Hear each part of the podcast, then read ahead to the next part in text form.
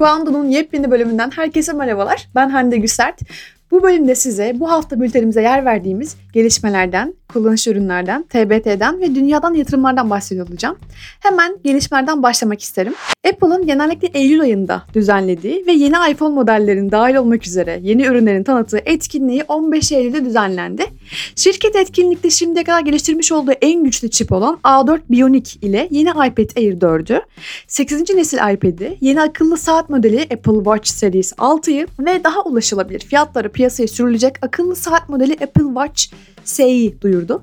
Apple Time Flies olarak isimlendirdiği etkinlikte yeni abonelik sistemi Apple One'ı ve, ve yeni antrenman uygulaması Apple Fitness Plus'ı da duyurmuş oldu. iPhone bekledik ama olmadı. Olsun bunlar da güzel haberlerdi. Ee, iPad'ler gerçekten iPad Air'leri renkleri göz doldurdu. Demek yanlış olmaz. Baykar'ın geliştirdiği ve Türkiye'nin ilk uçan otomobili olarak anılan Cezeri yerden 10 metre yükselerek başarılı bir şekilde test uçuşunu gerçekleştirdi. Gurur verici bir haber. Mart ayında Facebook Live ve Facebook Workplace için getirilen otomatik altyazı oluşturma özelliğini Facebook, Instagram TV için de getirdiğini duyurdu. Özelliği şu an için 16 dilde kullanabildiği ancak ilerleyen zamanlarda yeni dilleri de destekleyeceği belirtilmiş oldu. TikTok cebesinden bir haberimiz var ki bundan dün yayınladığımız podcast bölümümüzde de bahsediyorduk. Orada da bir bakın. Detaylıca konuştuk TikTok'u. Ee, ABD operasyonlarının satışı için Microsoft yerine Oracle ile anlaşmaya karar verdiğini açıkladı TikTok. TikTok'un çatı şirketi ByteDance'in Oracle ile yapacağı anlaşma ile TikTok'un ABD'deki kullanıcı verilerinin tümünün Oracle'ın bulut, bulut hizmeti ağlarında depolanmaya başlanacağının bilgisini verebiliriz. Şimdi e, TBT'den bahsetmek istiyorum. TBT'de aslında bir seri haberimiz var. Sizlere bunu paylaşacağım. Yani bu hafta e, Eylül ayında gerçekleşmiş ama yılları farklı bir takım haberler var TBT. Şimdi 10 Eylül 1990'da ilk arama motoru Archie Curiform yayınlanmış oldu. Güzel bir haber. İlk arama motoru diye bir şey var. Google'dan öncesi de var dostlar. Yani. 10 Eylül 2007'de bu kez Apple 1 milyonuncu iPhone'u sattığını duyurdu. O günden beri 2 milyar kadar iPhone satıldığı tahmin ediliyor.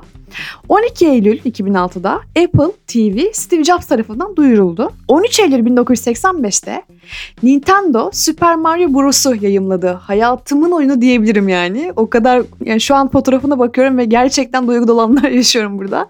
Umarım bültende siz de denk, siz de denk gelirsiniz. 14 Eylül 1984'te 12 yaşındaki Elon Musk ilk oyunu olan Blaster'ı yaptı. Blaster'ın linkini de paylaşmış olduk bültenimizi. Lütfen bir gelin bakın. Ya bence gerçekten güzel bir oyun. Hani gerçekten güzel bir oyun. Tebrikler Elon Musk. 14 Eylül 2012'de Facebook 1 milyar kullanıcıya ulaştı ve 16 Eylül 1985'te Apple yönetim kurulundan ayrılan Steve Jobs yine 16 Eylül'de ama bu kez 1997 senesinde Apple'a CEO olarak geri döndü. Yani 16 Eylül'ün Steve Jobs için bir anlamı vardı ve bugün bizim bültenimiz yayınlandı. güzel. Gayet güzel bir haber. Ve kullanışlı uygulamalardan devam etmek isterim.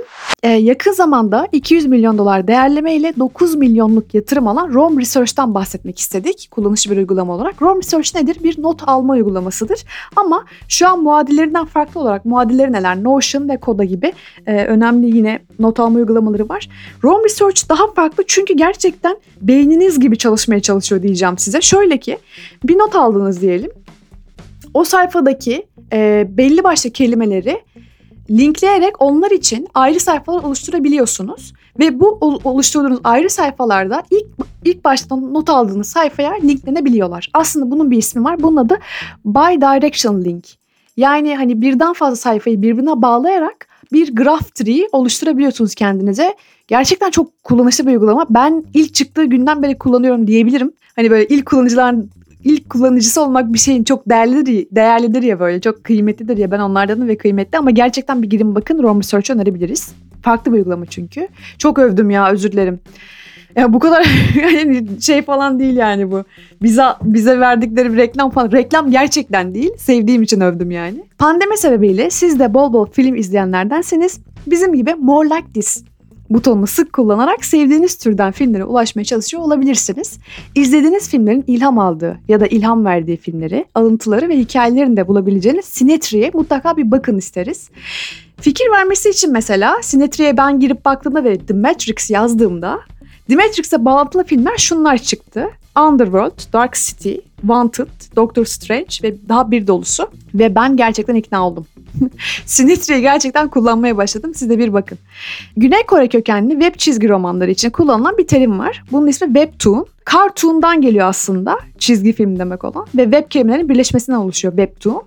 E, mobil içerik dünyasında gerçekten hızlı yükselen bir akım oldu, o, oldu. Webtoon kullanmak, Webtoon okumak.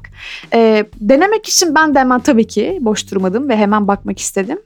Adventures of God diye bir webtoon buldum. Mutlaka bir bakın siz de. Eğer webtoon ve Güney Kore ve çizgi dizilerle alakalıysanız bir bakın diye önerebiliriz. E, dünyadan birkaç yatırımdan bahsetmek istiyorum. Proje yatırım yazılımı şirketi Airtable D serisi yatırım turunda 185 milyon dolar topladı. Ve bu yatırım turu sonucunda değerlemesinde 2,5 milyar dolara yükseltti. Peki ne yapar Airtable? Airtable 2012 yılında kurulmuştu ve uzaktan proje yönetimi akımının öncülerinden sayılabilir aslında. Proje yönetiminde farklı dikeylerde tek tek alanda buluşturan Airtable takımların zaman ve iş akışının takibini de kolaylaştırabiliyor. Güzel bir haber bu da Airtable adına. E, New York merkezi 3 boyutlu yazıcı yazılımları ve üretim materyalleri şirketin en topoloji C serisi C serisi yatırım turunda 40 milyon dolar topladı. Ne yapardı peki Entopoloji?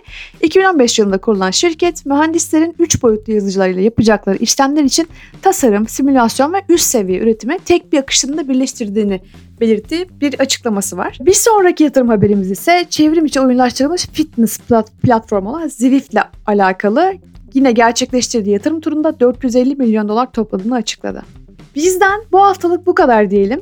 Haberlerin detayları ve daha fazlası için mutlaka e, bültenimize bakmayı unutmayın. Kendinize çok iyi bakın. Haftaya tekrar görüşmek üzere. Hoşçakalın.